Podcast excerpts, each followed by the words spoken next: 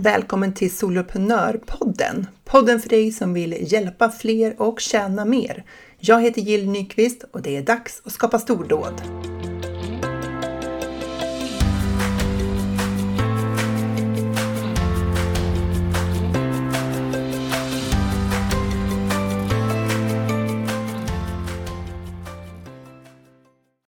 Idag har jag med mig Angelica Henriksson från Yogaprenör. Hallå chefen! Nej men hej vdn på andra sidan! Vad roligt att ha dig tillbaka i podden. Om det är någon som har missat de andra gångerna du har varit med så ska du bara berätta eh, vem du hjälper och vad du gör och så. Absolut. Angelica Henriksson är namnet. Befinner mig i ett regnigt Norrtälje just nu och jag driver ju två verksamheter. Eh, jag har en verksamhet som heter barnyoga.com som ger Nordens ledande utbildningar inom barn och tonårsyoga. Och det har vi faktiskt gjort i tio år, vi är inne på elfte året nu, så det är en stor, härlig och erfaren verksamhet. Sen har jag mitt lite mer nystartade projekt då som heter Yogaprenör. I drygt två års tid har jag hjälpt den som har eller vill ha yoga som affärsidé att jobba hållbart. Och det gör jag med coachning och utbildningar online. Det är väl den korta pitchen. Ja, absolut. Funkar. Och skälet till att jag hälsar dig som hej-chefen eller hej-vd, det är för att vi ska prata om den här rollen som vi ofta har. Eller så här, alla vi som driver ett företag har en chefsposition i våra företag. Och ibland kan man liksom glömma bort det där. Ja. Och då tänker jag att det spelar ingen roll nu om man säger så här, men vd, jag är inget aktiebolag, jag är enskild firma. Så här, det är inte det det handlar om, utan det handlar om ledarskapet för företaget. Och ja. Eh, då ska det bli väldigt spännande att få djupdyka ner i dina tankar kring hur du leder och driver ditt företag. Och om vi skulle börja i det här, så här vad, eh, vad är liksom vd-uppgifter, så som du ser det? Mm. Ja, jag backar och säger så här, det är så roligt att få prata om det här överhuvudtaget, för det är inte helt lätt. Eh, det kanske är lättare att ta en anställning som en vd. Då, då har man förhoppningsvis en så eh, arbetsbeskrivning. det här är det yes. du ska göra på jobbet. Ja, man har någon form av eh. vd-uppdrag som man har liksom ja. sökt och fått. Ja. ja, och så finns det en styrelse som kommer med liksom, det här är det vi vill att du ska göra. Mm. Eh, så att, eh, liksom nummer ett, det är lite krångligt och vi behöver ju inte alls tänka att, vi då, att det ska finnas någon formell vd-roll. Men det behövs en ledare i vårt företag och det spelar ju ingen roll då om vi håller på med yoga som jag håller på med mycket eller vad vi än gör och ifall vi är den lilla enskilda firman som gör det lite vid sidan av eller om vi går all in och ska få det här att bli våran eh, strålande blomstrande verksamhet. Jag tänker så här, det här har växt under åren. Men jag tänker att en vd håller koll på vart vi befinner oss någonstans just nu mm. i företaget. Och jag säger vi, fastän vi kanske är ensamma. Men man är ju lite schizofren när man ja. driver ett eget företag. Ja, det är några hattar man har på sig, några roller man kliver in i. Ja, men visst. Så jag tänker ändå att jag liksom plockar ut så marknadschefen och ekonomichefen och så i mitt fall då yogaläraren finns ju med och mm. eh, HR-chefen. Och, ja, men vi är några stycken ändå på firman. Eh, och, och vdns första uppgift, det är ju att liksom stämma av läget. Var är vi någonstans? Vad gör vi just nu? Och eftersom jag trycker väldigt mycket på att få stabilitet och hållbarhet i företaget med att det ska funka praktiskt och då menar jag ju både i företaget men också med privatlivet. Det här ska gå. Det ska gå att få ihop det. Det ska funka mentalt, eh, det ska vara utvecklande, det ska vara själsligt liksom. Du ska känna att det händer någonting i dig. Jag älskar ju ditt uttryck Jill när du säger att det är, egenföretagande är personlig utveckling på steroider. För det är korrekt, det är verkligen korrekt. Det är precis så det är. Och det, så ska det vara. Så då vill jag stämma av var är vi någonstans? Hur står vi? Hur mår vi? Hur ser det ut med våra nära och kära runt omkring oss? Um, funkar livet liksom? Och ekonomin ligger ju jag väldigt mycket för. Jag har ju jag kommer från bankvärlden så jag är ju en förespråkare av... Ja, det är lite försteg där som kommer ja, från en del av ekonomivärlden. Ja. Ja, och privatekonomi är något jag drömmer om. Jag tycker att vi ska, vi, vi mår ofta bättre som människor om vi har koll på privatekonomin. Liksom. Så är det bara. Ja, så först vd-uppgift, stämma mm. av vart är vi någonstans. Eh, och sen blir ju nästa vd-uppgift, vart är vi på väg då? Vad är det vi ska någonstans? För när jag möter mina coachningsklienter så är ju frågorna, de börjar ju till 99 procent med ordet hur. Hur ska jag ta betalt? Hur mycket ska det kosta? Hur ska det här göras? Hur, hur, hur, hur, hur? Och det sitter ju vi också med och det är säkert de flesta som lyssnar också. Ja, det finns inget svar på det förrän vi har tagit reda på vart vi ska någonstans. För det går liksom alla lösningar finns. Det går att göra det. Vi har ett vitt blad när vi blir egenföretagare. Ja, det är lite klippt i hörnerna, för det finns lite lagar och regler som vi måste förhålla oss till. Men annars är det ett vitt blad och det är du som ritar kartan. Och då spelar det ingen roll ifall ditt erbjudande kostar 100 kronor eller 100 000 kronor om vi inte vet vart vi är på väg. Så vd-uppgift för mig, det är vart är vi nu? Hur mår vi? Hur funkar det? Vart vill vi någonstans? Och sen då sätta planen för hur vi tar oss ditåt. Jag kanske ska ändra ordet plan, sätta riktning. För jag tror på att ta riktning och sen börja mm. jobba ditåt. Mm. Ja, långt svar. Är du med mig på den tanken? Absolut. Nuläge, önskat läge och liksom stegen då ditåt. Mm. Och jag tänker att det är ju lätt att man i sitt företag fastnar i de operativa leveranserna, oavsett om det är inlägg i sociala medier eller om det är leveranser till kund eller om det är förberedelser för den där nya kursen du håller på att sätta upp eller webbinariet som du planerar eller vad det är för någonting. Mm. Och har man tillräckligt mycket att göra där så då är det lätt att tappa det här helikopterperspektivet. För yes. um, och det spelar egentligen ingen roll om man, om man eh, jobbar med betalda eller obetalda uppgifter i sitt företag, för man kan lika gärna bli helt lika uppsluten. Det är det jag kallar för att jobba på lagret. Då. Man fastnar på lagret med massa sådana här bakgrundsfix som inte drar in några pengar, men man är likväl väldigt upptagen. Mm. Och där befann jag mig liksom, de första månaderna jag startade företag. Jag tycker det är så roligt att tänka på det nu, där i mars 2018, att jag var så sjukt upptagen. Jag jobbade hela dagarna, från morgon till kväll och på kvällarna också. Och nu kan jag tänka så här, jag hade inte en enda kund. Vad sjutton var det jag la all tid på? Vad var det som jag var så upptagen med? Oh. Men jag kommer oh. ihåg att jag var väldigt upptagen. Så att, oh. så att man kan verkligen fastna i de här dagliga leveranserna oavsett hur de ser ut och, och liksom inte då lyfta blicken och blicka varken på nuläge eller det önskade läget framåt eller ja, tanken mm. om hur man ska ta sig dit. Mm. Vad tänker du är liksom vanliga utmaningar kring det här? Nej, men det, det, är exakt det.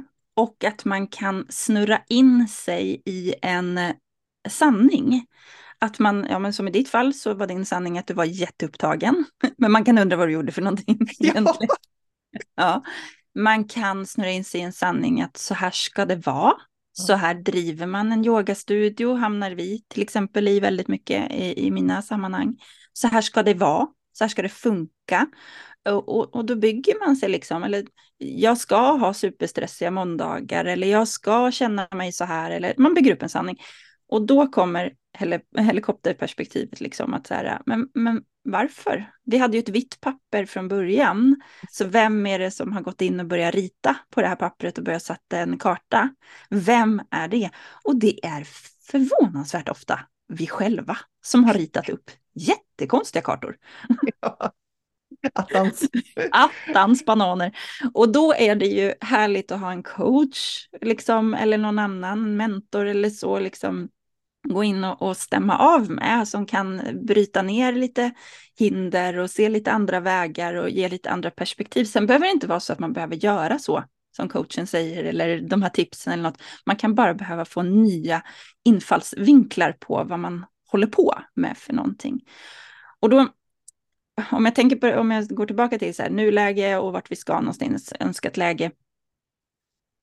Nu, i alla fall så svämmar mina sociala medier fullkomligt över av alla personer som är så här, årsplanera med mig, sätt hela 2023, gör, jag är en del av det också, men, men det är ju nu det händer. ja, det är nu det händer. Det är nu det händer. Och då är man så här, för det första, eftersom jag tycker om att planera, så tycker jag att den här hysterin borde ju ha pågått någon gång i oktober, november för att sätta 2023. Det är lite sent att dra det i januari. Eh, det är en sak. Det andra är ju, det är ju inte nu vi kan bestämma hur 2023 ska se ut och sen bara köra på det, för då bygger vi upp den här konstiga hindren och vår konstiga verklighet. Utan vd-tiden kommer ju behöva ske hela tiden. Den kommer behöva vara tillbaka för att även om jag, och det var det jag menar med riktning, vi tar riktning ditåt. Mm. Eh, när jag sitter i januari 2024, då vill jag Ja, jag, jag, kommer behöva obokade måndagar för att livet ska funka, till exempel. Eller jag kommer behöva, ja, vad det nu är för någonting. Om jag fick ändra det nu, då skulle mitt liv se bättre ut. Då tar jag riktning ditåt. Och så Just är det, det ditåt jag försöker jobba. Mm. Eh, och jag kanske inte ens löser huret här under min planeringstid som vd. Det, det kanske jag inte gör, utan riktningen sätts. Jag ska vara, vara obokad på måndagar eller vad det nu kan vara för ja. någonting. Det kan ju vara, mm. jag behöver tjäna mer pengar, jag vill tjäna mer pengar, jag vill vara ledig varje maj, jag vill, ja, vad det nu kan vara för något. Jag vill bara jobba med de här kunderna, skulle det kunna vara till exempel. Mm. Men då behöver man ju dyka upp som vd, liksom regelbundet och stämma av det här och se, behöver vi rita om kartan mer? Um, jag hörde en sån fantastisk liknelse i den här podden Rika tillsammans, ja. där de um, drog eh, om man ska köra någonstans och man vet att det är 13 rödljus på vägen, då sitter man ju inte hemma och väntar på att det ska liksom bli 13 gröna ljus på en gång och då kör man. Ja, just det. Utan man liksom kommer till första och så kanske man har tur, det är grönt, där kör man förbi och så är det rött, ja då väntar man på det och löser det. Lite så får det ju bli tanken här också. Jag tyckte liknelsen var jätte, ja, jättebra. Verkligen. Och det kanske liksom blir någon ombyggnation på vägen så man får ta en liten detour eller något och då är det fine. Men eftersom jag ändå har kollat ut att det är ditåt jag ska köra mm. så blir det lättare att ta beslut. Och nu är jag ute och liksom pratar ganska så löst och ledigt och stort. Och om vi ska ta det lite mer konkret. Jag anser att vdn behöver dyka upp varje arbetsveckas start. Det, och om det är sätta sig ner med penna och papper eller ett projektering, eh, projekthanteringsverktyg. Eller som det väldigt ofta blir hos mig, eh, det sker under den långa söndagsduschen. alltså jag har verkligen, det är verkligen en så här rutin för mig. Liksom så här, duschen var inget annat som liksom pockar uppmärksamhet. Eh, jag har ofta slängt ett öga på kalendern innan jag kliver in så att jag bara ser lite vad som händer. Och jag är inte inne på detaljnivå, utan det blir så där, men hur, hur, var är jag nu då? Ja, nej, det är en jättejobbig vecka som kommer, jag har ingen energi, eh, saker händer runt mig, hormoncykel, inte vet jag, alla saker som påverkar. Ja, men då vet jag att då går jag in i den här veckan med lite mer energin av att nej, men det är inte nu jag ska gasa, nu håller jag mig här. Eller så kan jag känna att nu rackarns behövs det. Det är den här veckan vi tänder till. Nu kör vi. Liksom. Och då kanske jag till och med slänger iväg några mejl där på söndagskvällen så att det liksom händer någonting från start. Men för mig är det söndag. Det här kan ju ske måndag eller var man är beroende på hur man lever och är. Man gör incheckningen av vad var den där riktningen, vart var det jag skulle någonstans? Och hur mår vi, hur har vi det, hur har det gått, hur, vad använder vi, vad tar vi med oss för krafter in i den här veckan mm. som kommer. Sen har jag i mitt eh, coachningsgäng i Yogaprenör så har vi en fantastisk liksom, rutin av att fira på fredagar. Och då firar vi liksom allt från första kunden till första gången vi slår våra intäktsrekord till eh, att vi har vågat ringa den där kunden eller att vi har lärt oss av något misstag. Det händer ju titt som tätt. Mm -hmm. eh, jag kanske inte har samma rutin av att fira i mitt liksom, egna företag utan jag gläds väldigt mycket med mina yogaprenörer. Men jag kommer tillbaka till den där söndagsduschen när jag verkligen känner så här, ja men vad härligt att det, den veckan gick bra eller det här gick inte bra, det här får jag ta med mig framåt. Mm. Så minst en gång i veckan skulle jag säga att vd-hatten behöver åka på. Mm. Hur funkar det hos Jill? Ja, hur funkar det hos mig? Um, jag sätter en intention. Uh, jag, sett, jag har ju ett mål, men jag har inte nått det målet på flera år så, och jag känner mig inte nedslagen över det. Alltså, utan jag har riktningen. Jag tror att egentligen är riktningen min liksom, viktigaste guideline. Riktningen mot att eh, jobba eh, att skapa det här företaget som jag kan leva på utifrån mina förutsättningar här hemma. Liksom. Och sen har det varit lite olika idéer om vad det betyder över tid. Mm. Och för 2023 så är ju mitt eh, ledord fria ytor. Mm. Och det beror ju på att, eh, att jag känner att det är dags att backa hem lite grann. Så att när jag sätter på mig vd-hatten så kan jag se som att 2022 var ett väldigt lönsamt år. Jag är väldigt glad för det året och det hände väldigt mycket saker och jag gjorde väldigt mycket, liksom hade mycket uppdrag och mycket kunder och gjorde roliga grejer i mitt företag. Eh, men det, jag satte mig i ett läge där jag behövde jobba väldigt mycket. Och då är ju det bara att konstatera, apropå det här du säger, så här, vem är det som har ritat upp det där pappret? Och så känns det så här, ja, det var väl jag då. Med de beslut jag fattade under året. Och eh, här behöver jag ju öva mig på liksom att om jag nu har den här liksom ledordet att skapa mer fria ytor, vilket i mitt fall då betyder mer, eh, mer obokad tid i kalendern. Eh, inte för att ligga och scrolla på Facebook eller kolla Netflix, jag gör sånt också, men det var inte mm. det som var tanken med den ytan, utan för att jag vill ha lite mer kreativt utlopp. Jag vill skriva på min roman som jag håller på att skriva på. Jag vill träna med mina hundar. Jag vill eh, träna mig själv. Jag vill eh, eh, kunna städa utan att vara trött när jag gör det, utan bara så här, att det går enkelt och sådana saker. Alltså inga konstigheter. Men jag behöver lite space för att göra det. Och om jag fortsätter som jag gjort under 2022 så kommer inte mitt år bli sånt. Eh, utan jag behöver ju faktiskt göra en förändring här och det tänker jag där krävs det lite eh, vd-beslut och definitivt veckovis eftersom det, det är ju där det händer. Alltså en plan är ju bara en plan. Eh, men sen när man liksom börjar leva i sina vardagar, så det är då man säger ja, nej, eh, skjuter upp saker, tar inte tag i saker eller tar tag i för många saker. Alltså det är då de där vardagsgrejerna man gör, det är de som formar, det är de som skapar vår verklighet, inte planen. Eh, men, och då gäller det ju att, att utifrån mitt perspektiv då, att jag fattar de där vardagsbesluten med hänsyn till min riktning. Inte med hänsyn till hur jag brukar göra. Nej, och det blir väl en jättebra liksom, slutkläm på den. Så här.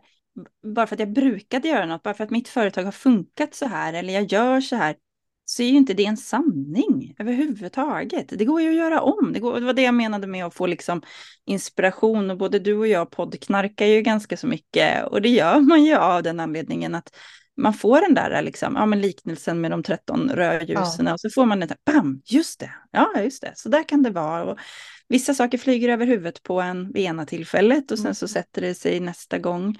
Mm. Um, och jag tycker att det är jätteskönt att lyssna på hur andra människor gör och känna att så där skulle inte jag göra.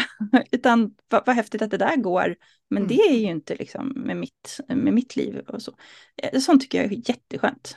Att kunna ja, ta input. Och då tänker jag att det faktiskt är vdn som är ute och minglar, skulle man kunna säga. Fast jag lyssnar på en podd till exempel. Ja, eller så. Ja. så är det jag som är ute och nätverkar och lyssnar på hur andra gör. Mm. Och så tar jag med det in i mitt företag och så liksom kan jag skicka idén till ekonomichefen. Vet du om, de gjorde så här på det där stället. Och så kan ekonomichefen säga, fast det skulle inte funka hos oss för att bla bla bla. Alltså, ja. det blir skitsat. Nu som lyssnar får ha kärlek till oss här när vi pratar på det här galna sättet. Men det är ju så det är. Mm. Jag tycker det är jättekul i mitt medlemskap där eh, deltagarna nu har börjat använda sig av de här liknelserna. Att de liksom så här, ja ah, den här veckan så har marknadschefen gjort ett fantastiskt jobb och liksom, alltså du vet verkligen så här, lyfter en person, en del av personligheten som om det vore en medarbetare. och bara, den här veckan så kommer ekonomichefen få jobba riktigt hårt. Du vet, man bara, det är så jäkla coolt. Det är så ja. himla kul. ja, det är jätteroligt. Men det, man kan behöva lite så här, perspektiv ibland och eh, se på sitt företag som ett företag, som en organisation. För att en, en vds viktiga uppdrag är också eh, resurser. Att se till att man har rätt antal resurser för det man ska åstadkomma, men också att de resurserna har den kompetens som krävs för uppgiften. Eh, och det här var så tydligt, så alltså jag har ju ett långt förflutet av att jobba som chef och eh, jag har ju också varit vice vd i en, i en organisation. Och då, klart att då, då var ju det här med strategiskt arbete, det var, det var ju mitt arbete. Ja, alltså när jag började e-, som egenföretagare, då hade inte jag gjort en operativ sak på flera år. Förstå vilken chock att inse att jag skulle göra alla de där grejerna själv. Jag hade ingen att säga åt att de skulle göra åt mig. Jag får en bild framför mig när du sitter och bossar och sen bara, hallå? Jag satt ensam vid köksbordet och så bara, japp, det var problem här med datorn. Ja, jag, ja, jag, jag löser det. Mm det. Jag. Jag, jag. ringer inte IT-avdelningen som gick så bra sist. Ja. Så det, var ju en, det var ju en uppenbarelse sådär. Men, um, men kan det... man inte få säga det till den som inte har varit i en stor organisation, som inte har jobbat eh, strategiskt, att det är ju det här, alltså det strategiska arbetet är lösningen för att det ska bli hållbart över tid. Alltså mm. vem som helst av oss kan gå in och bara jobba, jobba, jobba, jobba, jobba, jobba. Och då blir det att vi jobbar väldigt hårt. Och, och är den här känslan av att känna sig överväldigad, vilsen, eh, känna sig osäker i beslut, eh, använda ganska mycket energi till att mm. fundera på beslut. Eh, och det leder ju i sin tur till liksom stress och oro och mm. mm. kanske en, en känsla av lite så här ånger. Så här, oh, varför svarade jag så där? Eller svarade mm. jag ja eller nej? Eller någonting annat. Jag försöker, eh, både med mig själv, det är ju en ständigt eh, pågående process, men också med de som jag hjälper. Och hela tiden påminna om att vår tid, vår energi som vd i företaget, företagsledare, det är den absolut mest dyrbara tiden vi har i företag. Det finns ingenting annat som är lika värdefullt. För finns inte du, fungerar inte du, då är inte ditt företag värt någonting alls. I regel, finns undantag, men i regel. Mm. mm. Och det gör att all tid jag lägger på att fundera på om jag ska ta betalversionen på den där appen eller inte, eh, hur jag ska svara på mejlet, eh, om jag har en, ska vi kalla det för en bråkig kund, som man känner så här, vet du vad, jag har faktiskt rätt. Enligt köpevillkoren och allting så har du fel, din lilla kund där på andra sidan. Men vet du, det kostar så mycket pengar för mig att sitta och dividera om den här saken, att vi gör en lösning. Jag säger mm. inte att vi alltid ska betala tillbaka eller något sånt där, men att vi gör en lösning som gör att kunden blir glad. Och så tar jag med mig den lärdomen och så går jag vidare. För om jag går och ältar det så kostar det företaget pengar. Ja, absolut. Och energi och resurser. Liksom. ja. Men att, att komma ihåg den biten, och det, det är ju liksom vd hattens jobb att påminna om. Vi ska inte fastna i de där detaljerna. Ibland vi måste, och alla beslut blir lättare om är så här, ja, du ska ha betalversionen på den där appen för att du ska ta dig i riktningen som vi har eh, stakat ut. Sen kanske det var helt fel app. Ja, men då var det fine. Då får vi göra någonting annat istället. Men det kan inte kosta massa tid och energi att liksom gå och fnula på det där för länge.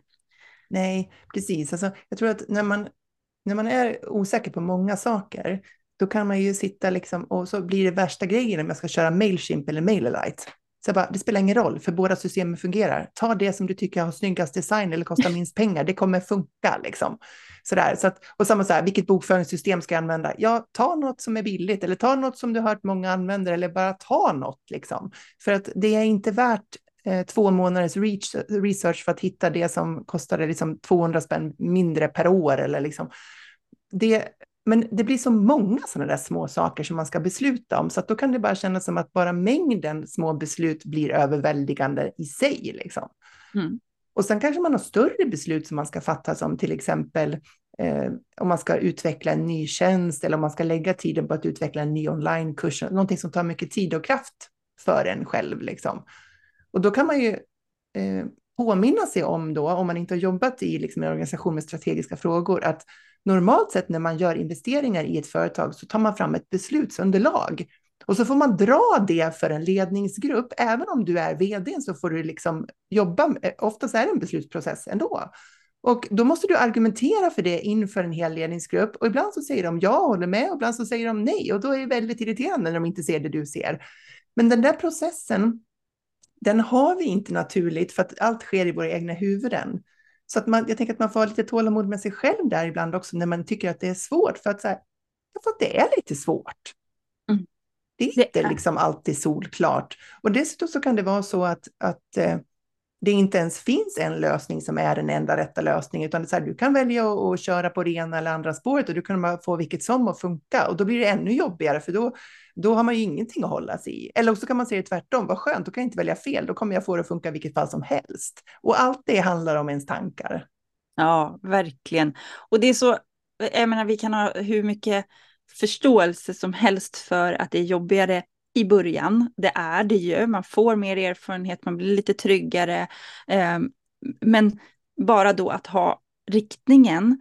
Jag vill ha ett så hållbart företag som det går utifrån vad hållbart är för mig. Mm. Så, det kommer ju hjälpa till med då. Ja, men jag vill ha färre sådana här beslut. Eller jag vill ha liksom, ja men då kanske till exempel att köpa en helhetslösning istället för att då inte behöva välja, ja nu pratar vi teknik då, liksom ja. e-posthanterare, hemsidor, leverantör. Alltså så här, då kanske jag köper en helhetslösning. För att för mig är det viktigt med att ha det på ett ställe. Det är sådana här saker ja. som man behöver ta höjd för. Eller jag är en sån person som tycker det är roligt att mecka runt och det går, kommer lätt för mig att ta många sådana här små beslut. Då ska du ju köra på det, för det kommer mm. bli jättebra för dig. Och sen kan man ändra sig. Ja, Men ändringar kostar lite pengar och tar lite tid och är lite trickiga, så man ska ju inte planera för från början att, att man ska göra 70 000 ändringar. Det kan kännas lite ohållbart. Mm. Men vi skulle kunna göra en lista på alla ändringar vi har fått gjort genom åren, eller hur Jill? Oh ja, det är en lång lista. Aldrig titta på. Nej, men alltså, exakt. Så det är liksom, och det är väl det då, det finns inga så här svart eller vitt svar, ja, gör så här så blir det alltid bra, utan mm. så här, ja, du kan ändra dig. Och nej, det är inte lämpligt att ändra sig varje vecka om vilken leverantör du ska ha av e-postmarknadsföringssystemet, för det kommer att kosta massa pengar att göra teknikbyten hit och dit. Så att det är liksom inte svart eller vitt. Och det är ju det där navigerandet, det är ju det som är ledningen. Ja. Liksom det där med att välja, välja bort eh, och att fatta beslut på osäkra parametrar. Alltså när du, när du satsar på någonting nytt, det finns inget företag som kan satsa på någonting nytt, vågar jag nästan lova, som kan vara helt säker på att det kommer att bli en succé. Alltså de flesta företag, även de större företagen, har ju någon gång liksom lanserat produkter och tjänster som floppade. Det blir bra liksom. Eh, det är allt ifrån Apple till eh, liksom, eh, ja, vet jag. Alla de här. Så, att, så att det, liksom, det, det är en del av företagsresan att leva med osäkerhet och acceptera det och, och hantera, tänker jag, utan att liksom det blir att det orsakar, tänker jag, kanske framför allt dåligt mående, att man blir mm. jättestressad eller man får oro och, och kanske ångest som, som sitter i mm. under över lång tid och sådär. Nej, men det, det är jätte, jätteviktigt att göra och jag, ähm, jag tänkte på det här med, och du sa det så bra, med att vi har de olika att det inte går som, vi, eh, som det har tänkt oss. för, för, det gör det ju inte. Och du nämnde det innan vi tryckte på inspelningsknappen, att det också blir, man sätter en plan och så börjar man jobba. Och så jobbar man och jobbar och pratar med kunder och har sig. Och sen så missar man den där vd-hatten ett tag kanske, eller helikopterperspektivet, vilket är lätt och inte någonting man behöver slå på sig själv heller om. Eh, och sen så går man tillbaka och tittar med vd-hatten på, så märker man att okej, okay, nu står det på min hemsida att jag gör en sak, men uppenbarligen så gör jag något helt annat i mitt företag just nu. För att ibland går det så fort i förändringen. Helt plötsligt får du tre kunder som alla är ute efter en sak och så märker du att du ändrar ditt språk lite grann. Du ändrar ditt sätt att leverera och märker att wow, det här funkar jättebra. Du ger ett bra resultat, det funkar för dig. Och så läser du på hemsidan så bara, fast där står det ju att jag gör någonting annat. Ja. Och det tror jag händer hos oss hela tiden. Och det är ju mm. det som är utveckling. Och då går man in på hemsidan och så ändrar man och säger okej, okay, nu jag hade skrivit så här, men det är faktiskt lite mer det här jag gör och jag använder de här orden eller de här liknelserna eller vad det är. Och sen gör man det igen. Men ju oftare man gör den här liksom vd-nedslaget, desto kanske mindre ändringar behöver man hålla på med, för då blir det ju liksom små justeringar mm. hela man tiden. Man efter, efter vägen. Ja, lite så, för jag känner igen mig i det där som du sa, att man, man gräver ner sig i en jobbperiod eller en leveransperiod. Och sen tittar man upp på andra sidan och bara wow, jag gör ju inte samma sak som för tre månader sedan. Va, vad hände nu? Eh, ja, men som jag för något år sedan liksom hade skapat ett företag som, som liksom hade tagit en helt annan, apropå det här med liksom vad kunderna efterfrågar och sådär. Mm. Och så här, avtal på avtal följde och så plötsligt så insåg jag att att jag hade liksom skapat, mitt egna företag hade tagit en vändning och blivit ett företag som inte fokuserar på det jag ville fokusera på. Och så bara, när hände det då? Ja, men det hände när jag sa ja till det där, det hände när jag skrev under det där avtalet, det hände när jag tänkte att det där bara var det där. Alltså de där liksom, besluten successivt liksom, tog mig i en riktning som jag sen tittade upp lite yrvaket och insåg att eh, det här var inte vad jag hade tänkt. Nej, men det var jag... inte dåligt för det. Utan... Nej, Nej. Precis, att det, det hade jättemånga positiva aspekter, så jag var jätteglad för det som hade varit, men det var inte min färdriktning framåt då. Liksom. Och där behövde jag göra ett skifte, för annars hade jag blivit kvar där. Och, och det var inte så att det hade varit en katastrof på något sätt, för det var inga dåliga uppdrag och det var roligt och jag hade roligt på jobbet och allt det där. Det var bara att det var inte det jag hade tänkt. Och då fick jag gå tillbaka till min grundidé, liksom, varför, vad, vad, var jag hade, vad var det jag ville med mitt företagande? Ja, och får jag skjuta in där också, för det tänkte jag på när du pratade innan. Vi har ju en fördel. Eh, du jobbar väldigt mycket med onlineföretagare. Jag jobbar också mycket med online, men jag har ju mina yoga, liksom driver yogastudios och, och yoga på plats och så. Mm. Eh, vi har ju generellt ändå väldigt låga uppstartskostnader när vi ska dra igång någonting. Och vi har också generellt låga ombildningskostnader. Mm. Eh, det går ganska lätt att skriva om på hemsidan, det går ganska lätt att ändra sin liksom, kommunikation. Det är inte massa tryckt material, det är inte stora skyltar på en byggnad, det är liksom inte Nej. saker som ska köpas in. Eh, och det tycker jag att man ska, man ska ha med sig i tanken. Det är fortfarande jätteobehagligt att behöva lägga pengar på jag känner att man har lagt pengar på fel sak och så. Men det är oftast, jag pratar generellt mm. nu, mm. så är det väldigt låga start och omändringskostnader i jämförelse med om du driver ett gym, en restaurang ja, eller en verkligen. inredningsbutik eller vad det nu kan vara för någonting. Och det tycker jag att man ska ha med sig. De gör också misstag eh, och behöver ändra sig. Och då kostar det pengar på riktigt. Och branda om ett helt företag liksom med mm. fysiska. Så fel, det gör man inte när man startar upp såklart, men när man har kommit igång lite grann, att ha liksom en summa pengar, om inte annat mentalt, jag har en felräkningsbudget. Liksom. Det där ja. är den, där det inte går så bra och man får styra om och man behöver lite tid för det också. Det är en del av processen. Mm, verkligen. Du sa det där så tänkte jag på, för mina föräldrar var egenföretagare och de hade ju maskiner i sitt företag. De hade två olika verksamheter och, och båda de här maskinerna kostar antingen hundratals tusen kronor eller miljoner. Och, och liksom de, de löpande kostnaderna som var på de där maskinerna går inte att jämföra med så här, här betalar jag 6 000 om året för kursportalen Newsendler. alltså. Men det går inte att jämföra, samtidigt som 6 000 kronor är jättemycket pengar. Men det går, man måste sätta det större perspektivet, ja. man måste ta. Ja, modiga, dina föräldrar, men alltså modiga, många företagare som är enormt, enormt modiga. Ja, jag är så imponerad över det, för det är som du säger, då känns det verkligen som att man tar en risk på riktigt. Samtidigt mm. så är det lite farligt det där också, för när man kan komma igång eh, och driva företag typ nästan gratis, mm. så då kan, då kan, det ju, kan man komma i mindsetet att inget får kosta. Att det, liksom så här, det ska inte finnas några uppstartskostnader alls. Och då kanske man väljer bort saker som man faktiskt strategiskt hade behövt i sitt företag. Man kanske behöver den där eh, coachen för att liksom sätta upp eh, eh, saker i sitt företag som man faktiskt aldrig har gjort förut.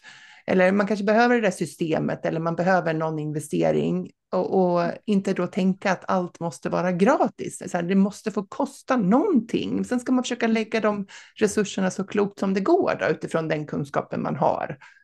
Ja, men och... Eh, verkligen. Jag intervjuade ju en bank här i julas, eh, finns i min podd, Yogaprenörpodden, eh, där jag frågade om tips av en företagsrådgivare, slipad erfaren företagsrådgivare om bra tips här när man kommer igång. Och då så nämnde hon eh, just det här, ja ah, men man kanske inte behöver slå på så stort från början. Man kanske kan börja i det lilla och sen växa.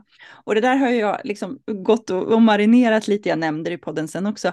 Men det är ju i alla fall hos mina yogaprenörer, men hos många andra soloföretagare också, och framförallt kvinnliga företagare skulle jag vilja säga, så är det precis tvärtom. Man är rädd för det där. Man startar inte ett företag och köper en eller leasar en företagsbil och stripar upp den och liksom så här, det, är inte, det ligger inte i vår natur. Nej. Men den här eh, Camilla som jag intervjuade som är skitduktig på det hon gör, hon träffar för det första mycket män, för det första mycket hantverkare, alltså den typen av företagare. Ja. Och de vill ju ha, eller kanske också behöver, men liksom den där stora bilen för att funka och så.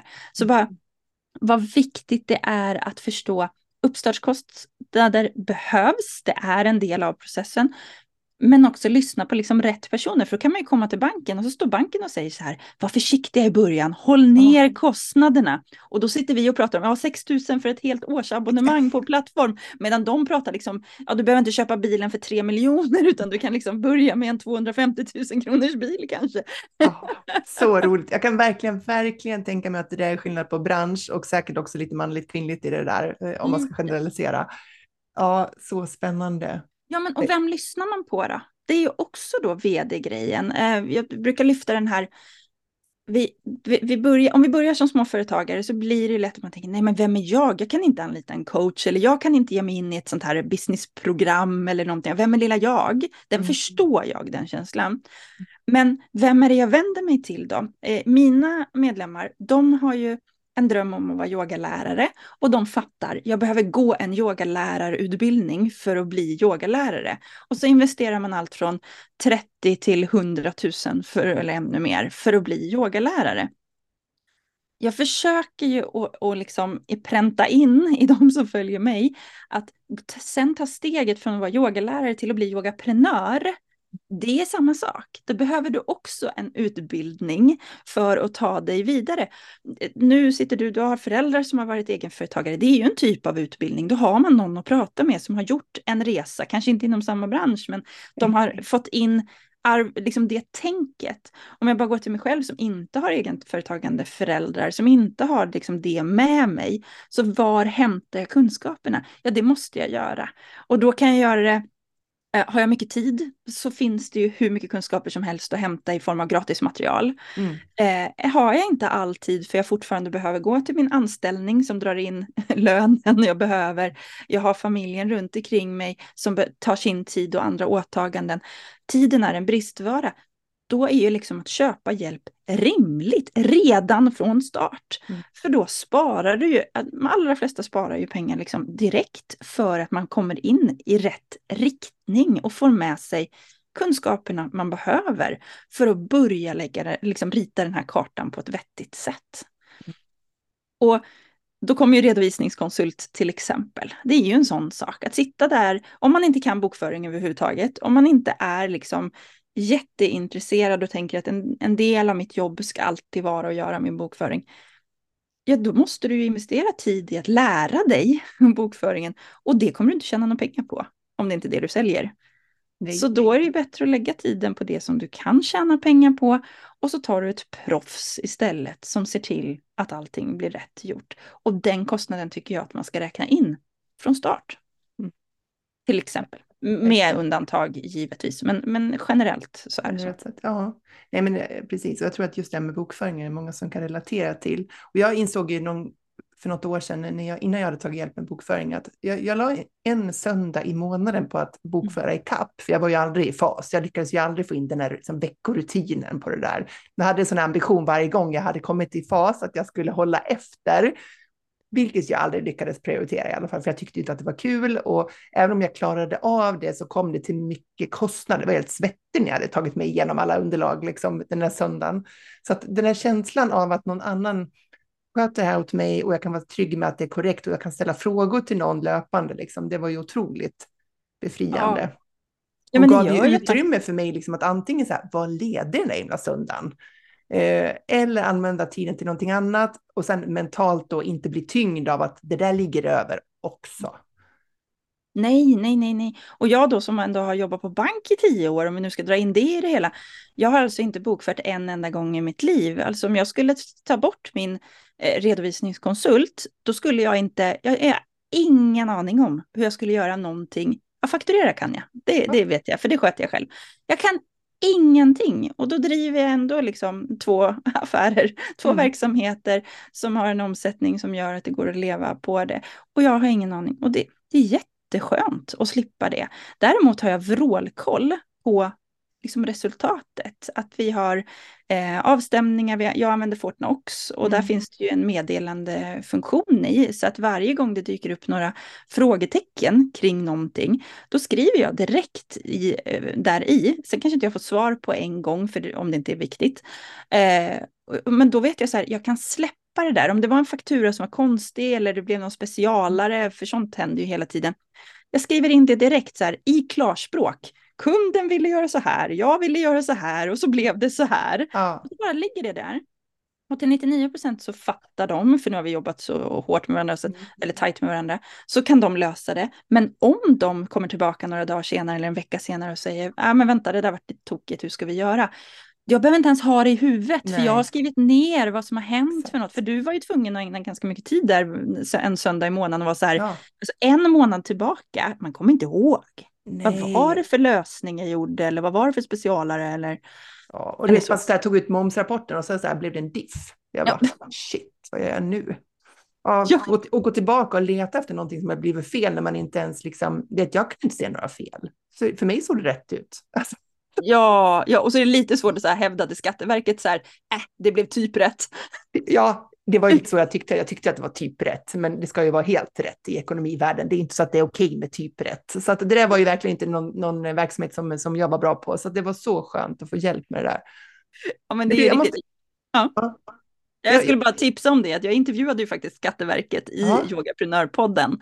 Eh, just för att för många så känns ju Skatteverket som liksom den här ypperligt stora, superfarliga instansen som Ja. kommer och bara ställer till det i ens liv. Liksom.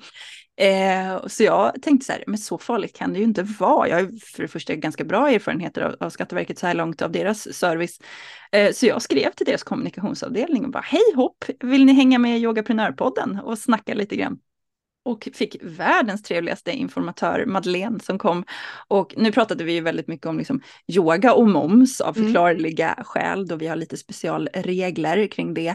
Men eh, det var ju liksom ett jättebra samtal och bara få höra liksom hur de tänker. Och, och min, min förhoppning, och, oavsett om du som lyssnar har yoga som affärsidé eller inte, bara vill höra hur de resonerar, så kan du lyssna på det avsnittet, det var strax innan jul. Eh, Mm. de, de, är ju, de är ju faktiskt till för att hjälpa oss, även om de känns som de stjälper ibland. Men det är Mm. bättre att skapa en bra relation. Absolut, och jag, jag har varit i kontakt med deras kundservice flera gånger då när jag höll på själv och dribbla med de här grejerna och eh, Mm. de var supertrevliga. Ja. Jag ringde en gång efter ett bokslut och sa nu har jag betalat in så här mycket skatt, eh, ska jag inte betala in något mer? Han bara, va? Jag bara, "Ja, ja, alltså är, har jag gjort de här grejerna, räcker det? Eller har jag, för jag var rädd att det skulle komma så här, och här har du missat 250 000 som betalas in, liksom, så här, för jag skötte ju allting själv då. Ja. Så jag bara, jag måste ringa och fråga om jag, om jag är klar. Han bara, ja, har du gjort det här och det här? Ja, ja, då är du klar. Så det är inget mer som kommer? Han bara, nej. Alltså de måste få så många dumma samtal. Är- Men han var väldigt tålmodig och väldigt så här, Ja. trevlig och artig, liksom, så att jag fick ett väldigt gott intryck av dem också. Ja, men det är skönt att höra och ofta så är det ju att vi behöver ta tag i. Men, men om vi ska sammanfatta det så är det ju så här.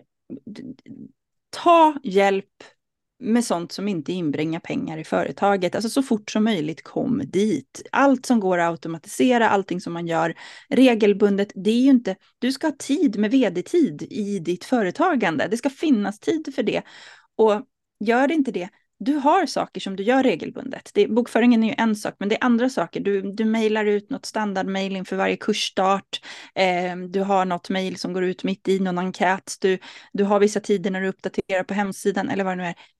Skaffa tydliga mallar, lathundar, så att varje gång du behöver göra de här regelbundna eller aut automatiserade sakerna så Mm. blir de så automatiserade som det bara går. Mm. Du behöver inte ens tänka, du bara lyfter fram den där lilla listan, tio steg, kör dem. Och det gör ju att du skapar ju faktiskt ett jobb som du skulle kunna lägga över på en VA till exempel, eller en assistent av något. Där börjar du ju bygga tillgångar också i form av att bygga ett värde i ditt bolag. Eh, jag tipsar ju mina yogaprenörer om att liksom så här, bygg ett företag som du kan sälja. Och då får de ju hicka, de har ju knappt startat upp. Så Ja, de så här, Va? Vadå? liksom. Säljer, tror- jag har inte ens börjat. Nej, inte ens börja. Men jag tror att det kommer lite från min, min bankerfarenhet också. Att vi, vi gjorde ju sådana här eh, låtsasskilsmässor. Eh, alltså att man tittar på ett privat, eh, privatekonomin. Eh, om vi tänker ett gift par till exempel. Så tittar man på så här, men vad skulle hända då om ni gick isär idag? Mm. Vad händer ekonomiskt då? Eller om någon skulle falla ifrån eller någonting annat skulle hända. Vad händer då? Otroligt tråkigt att göra när man liksom är nyförälskad och, och ska ta tag i saker. Men det är ju, om man testar att provskiljas en gång, då vet man ju vad man behöver ändra. Och lite lite det tänket kan man liksom plocka in i sitt företagande också. Går det här att sälja överhuvudtaget? Eller sitter varenda lösenord i huvudet på dig? Sitter varenda rutin, sitter varenda kundkontakt i huvudet på dig? Då är ju ditt bolag inte värt något mer än, än inte värt någonting om inte du är i det. Nej, nej, men så är det ju verkligen. Och jag och tänker kan... att det är, det är mm. väldigt lätt att hamna där, tänker jag, när man är egenföretagare och man säljer sin kunskap, att, att allting, även det som inte behöver ligga hos mig, ligger hos mig. Mm. Mm. Och då är du en jättefarlig del av det, alltså du är en risk i ditt eget företag. För om du liksom tappar fokus eller eh, gud förbjude något skulle hända dig, mm. då faller det ju med dig. Och det här är ju sånt som vdn liksom ska säkerställa. Hur, hur, bygger vi ett värde i företaget? Även om du har tänkt att det här företaget ska finnas med dig till den dagen du inte jobbar eller överhuvudtaget längre, så kan det finnas en poäng och liksom skapa rutiner och mallar och, så att någon annan skulle kunna hoppa in eller att det går att sälja. Om du skulle liksom bara skicka med innan vi avslutar, mm. för mm. den som, som inte känner att man har lagt så mycket fokus med det här med att liksom ha det här helikopterperspektivet och klivit mm. in i sin ledarroll. Vart ska man, vad är första steget? Var kan man börja? Ja, det är väldigt, väldigt eh, bra fråga, för jag märker bland mina medlemmar att det är ändå en process. Mitt första avsnitt i liksom min webbutbildning när jag lär ut, den är det är dags att bli vd. Så vi börjar där. Och ändå så tar det tid eh, att komma in i det. Så jag tänker att det är ändå ett, ett, ett rikt, alltså sätta fokus. Jag vill, om man har lyssnat på det här avsnittet nu och tycker att det vi säger låter vettigt, fast i sin egen version, mm ta riktning ditåt då. Jag vill bli vd, jag vill ta det här, jag vill gå ditåt. Eh, lyssna på det här avsnittet, hoppas jag kan ge lite input. Men sen vem, vem kan man vända sig till då? Kan man gå med i ett, ett nätverk av något det slag? Eh, det är soloprenörerna och yogaprenörerna, finns andra. Där man ändå har det här tänket, för då ser man ju hur andra gör, man får påminnelser. Mina medlemmar får ju alltså ett ping i vårt community varje måndag. Hej vd, tjoff, vad ska du göra den här veckan? Liksom. Ehm, sen är det inte alla som levererar på det varje måndag av jättemånga olika skäl. Mm. Men det, jag hjälper ju till att sätta rutinerna och det finns det ju andra sammanhang man kan göra också. Så ta riktning, ta gärna hjälp, för det här mm. gör skillnad. Men sen är det ju så enkla saker som, skulle saker inte stå i min kalender så skulle de ju inte bli gjorda. Jag har ju en viss tid tidsblockerat i min kalender. Eh, nu det är inte så här att jag tar min söndagsdusch en exakt tid och det står i kalendern. Nej, men jag har det liksom så här, stämma av veckan ligger mm. varje söndag. Så den ligger där. Mm. Och då bara, oftast så går det per rutin. Och så gör jag ju med alla andra saker jag har. Min kalender ser ju bedrövlig ut när den börjar varje vecka för att det är så många kom ihåg som ligger. Men många av dem är automatiserade, schemalagda, eh, jag har tydliga mallar på det, så att det bara är så här, det bara, okej, okay, den där kommer ta två minuter, bort, dut, dut, dut, dut, Men den gör att jag behöver aldrig vara rädd för så här, åh gud, vad är jag på väg att missa nu? Utan det ligger, det ligger där. Mm. Ja, kanske lite rörigt svar, jag kanske hade bett något bättre, men sätt riktning, umgås med människor som gör detsamma som du, så får mm. du liksom hjälp att komma in i det. Och sen tro inte på att du är en övermänniska som ska komma ihåg en massa saker, utan använd dig av alla de här verktygen vi har, till exempel en kalender. Utmärkta steg, tycker jag. Tusen tack för att du var med i Soloprenörpodden, Angelica. Tack Jill för att jag fått vara här. Tack för alla klokskaper du delar. Och jag hoppas att du som lyssnar nu, att du ser att vd-hatten kan hjälpa dig att skapa dina stordåd.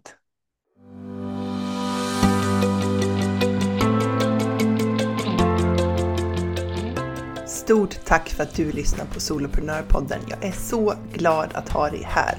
Du får jättegärna lämna mig en review på iTunes och ratea podden. Ge den fem stjärnor om du tycker att den är värd det, så hjälper du mig att sprida den till fler.